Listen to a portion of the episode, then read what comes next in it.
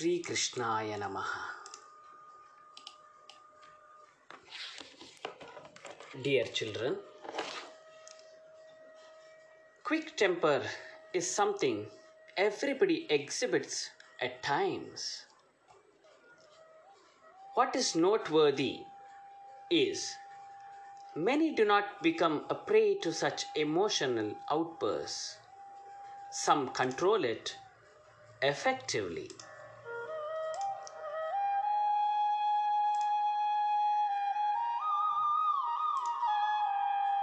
Some cannot but regret their impatience later. But some are notorious for their quick temper and anger all the time. Sage Durvasa was one of such person who was highly combustible. Many kings, rishis, and others, whenever engaging with him, were doubly careful not to infuriate him, lest they should be recipients of his angry outbursts or curses, which would be disastrous. Durvasa was not a bad person. He was a very good teacher and loved his disciples and followers. His anger was against those who wronged or disobeyed him.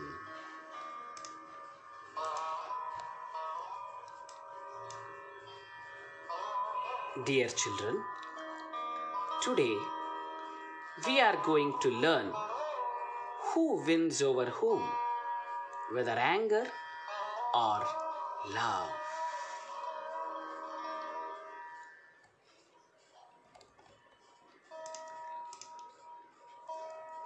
Never knew that you would be showering so much love and devotion on me, exclaimed sage Durvasa, expressing his appreciation of Duryodhana's courtesies to him and his disciples at Hastinapura palace.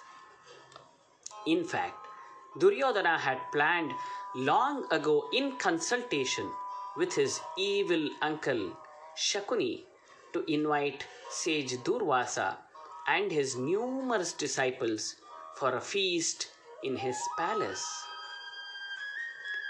The feast was grand, and after enjoying it, Durvasa was appreciating Duryodhana. Duryodhana, if you wish to ask me anything, you may express it to me, as I want to reciprocate your true devotion and respect for me by granting your wish, said the sage. Guruji, I am fortunate to have you as our honored guest to receive Bhiksha Vandan from us today. It gives us immense pleasure. We have nothing to ask you but your blessings. Yet, we have a small wish which Guruji should fulfill to make us happier. Tell me, Duryodhana, what is your wish? Guruji, our brothers, the Pandavas, are unfortunately under Vanavasa now. They also need your blessings.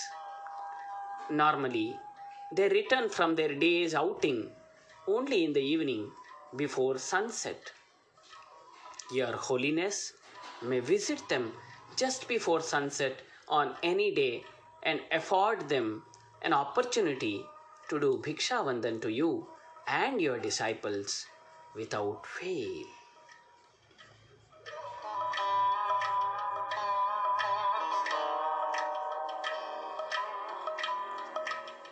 The sage Durvasa took it that Duryodhana's wish was born out of love for his cousins. But there was a scheme behind it which the sage did not know.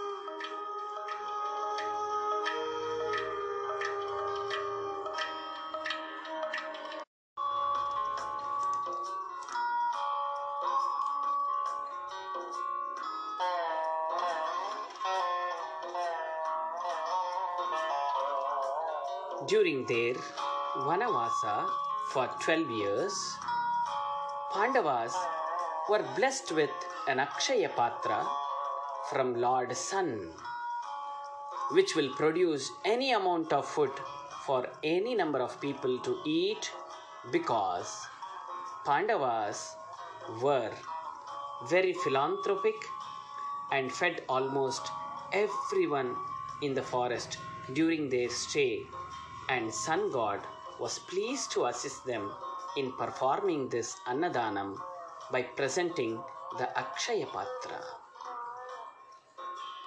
However, once the Akshaya Patra is washed for the day after using it, it will not produce any food item until the next sunrise. Therefore, Draupadi used it for feeding all and washed the vessel only after there was no one to be fed and no further use of it for the day was required. Duryodhana knew that all the feeding would be over by noon, and after that, Draupadi would not require any Akshaya Patra and so would wash it and keep for the next day. That is why he wanted to embarrass the Pandavas by sending the short tempered Durvasa for taking food from them after Draupadi would have washed the vessel and kept it aside. Once the sage is irritated, Duryodhana pretty well knew how he would hurl curses on the Pandavas, which would add to their woes. He wished for it.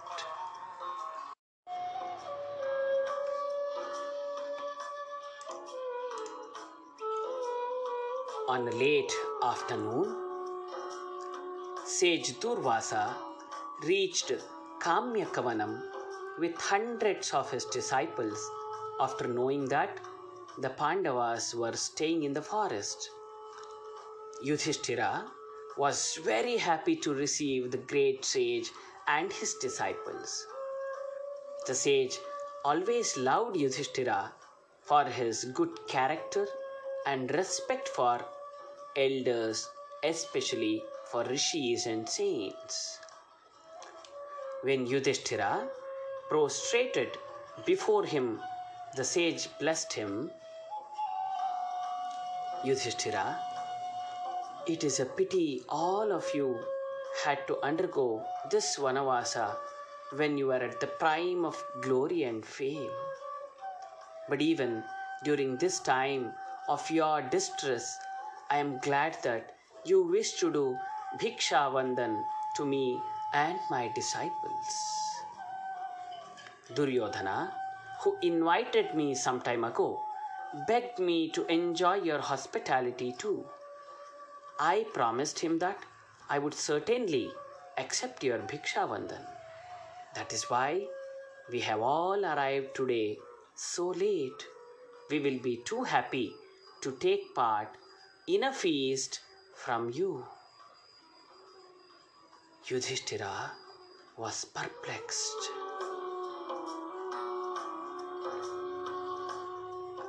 On the one hand, he was too happy to have the sage and his disciples as his athitis for the day. But they were late, and the Akshaya Patra would have been emptied, washed, and kept upside down for the day. How to feed them all at this hour in the mid forest with nothing available?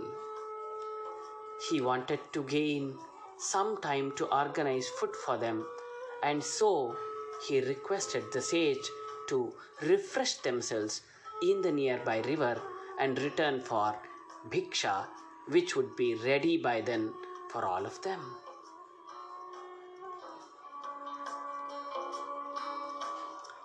You're right, Yudhishthira. We are too tired and sweating after a long walk to the Kamyakavanam. We will have a good bath first and then come back, said the sage, and they all proceeded to the river.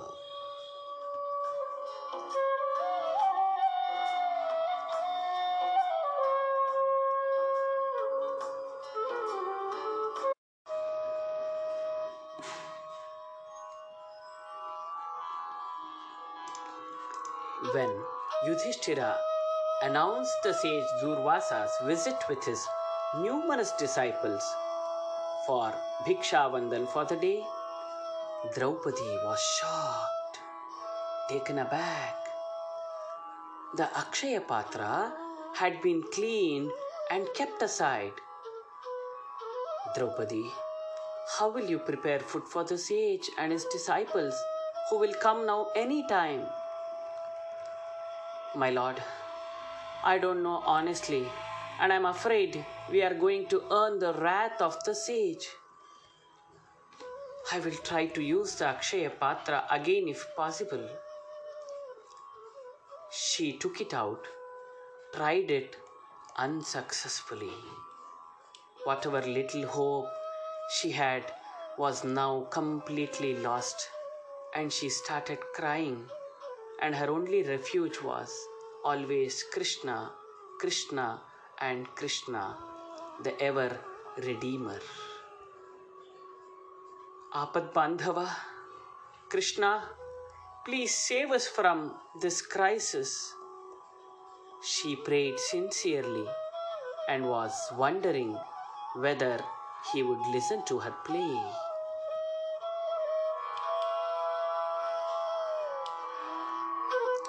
But someone was knocking at the door when she was praying.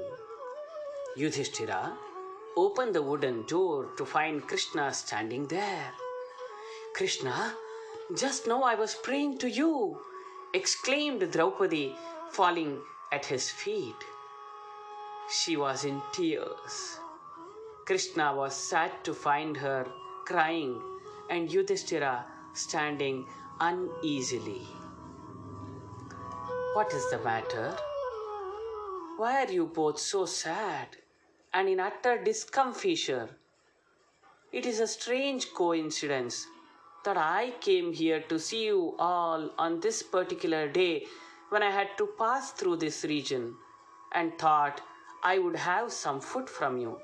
I am very hungry. Where are your other brothers? asked Krishna. Yudhishthira explained to Krishna their plight and the predicament they were facing to feed hundreds of people and the sage Durvasa within the next few minutes, whereas they had nothing to offer. Krishna was disappointed. When I am hungry myself, when you have no food to offer, how do you think I can help you find food for hundreds of people? Anyway, bring your Akshaya Patra and let me try, said Krishna. Draupadi handed him the pot. Krishna looked at it with a smile. He found a small bit of green leaf and a grain of rice sticking to the pot. He carefully took them out of the Akshaya Patra and put it into his mouth. He then asked Draupadi to fetch some water. He poured it into the pot and drank it. Draupadi, you are a liar. You had some food reserved for me. You know, I always like green leaves, and I was lucky to find a small leaf you left behind for me before washing the Akshaya Patra. This is sufficient to satisfy my appetite, and I feel no longer hungry after eating the leaf and after drinking the water from the Akshaya Patra. My thirst too has been quenched.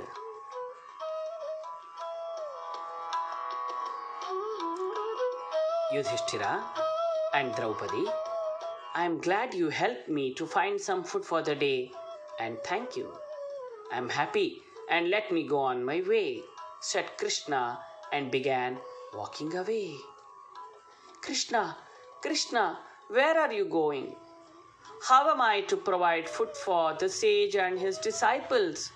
asked Draupadi. Draupadi, how do I know? Perhaps you will be able to feed them also. as you fed me now using your Akshaya Patra. You can now send word to them to come for a feast, smiled Krishna.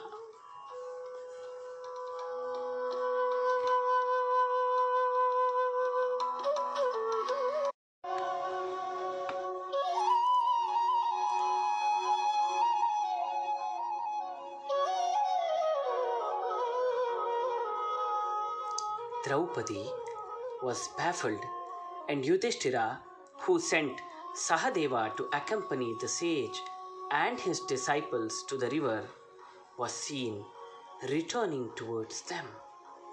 Yudhishthira thought he was preceding them and the group would soon follow him. Sahadeva, where are the sage Durvasa and his disciples? Respected brother, the sage and his disciples were bathing in the river for long as they found the cool waters quite refreshing.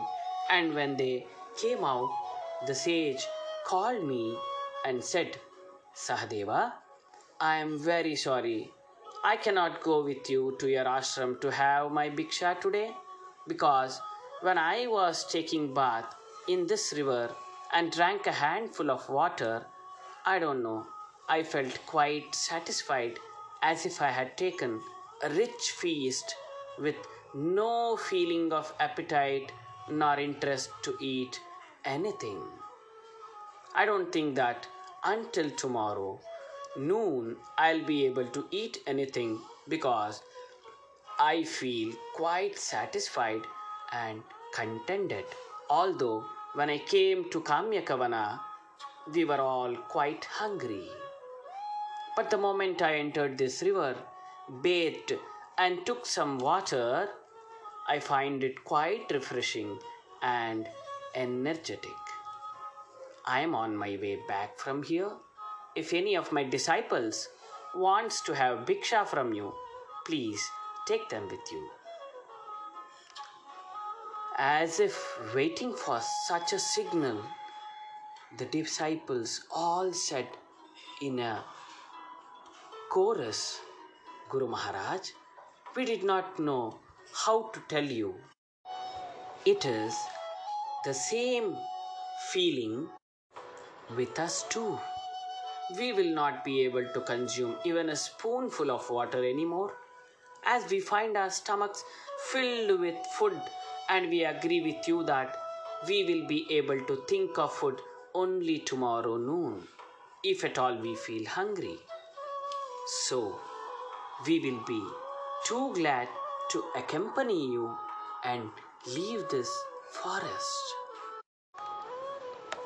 Durvasa therefore blessed Yudhishthira and the other Pandavas and their family to be quite happy and healthy and end their Vanavasa satisfactorily with all comforts wherever they moved. Tell Yudhishthira he will meet with success in all his efforts. Convey my blessings to him. When Sahadeva told this Yudhishthira and Draupadi looked at each other in amazement. There was only one thought in their minds, and it was only Krishna. Draupadi prayed, Hare Krishna, Apad Bandhava, how to praise you and express our gratitude for your mercy and kindness towards us. Dear children, moral of the story is when God is pleased and satisfied, the whole universe is pleased and satisfied. ஸ்ரீகிருஷ்ணார்ப்பணமஸ்து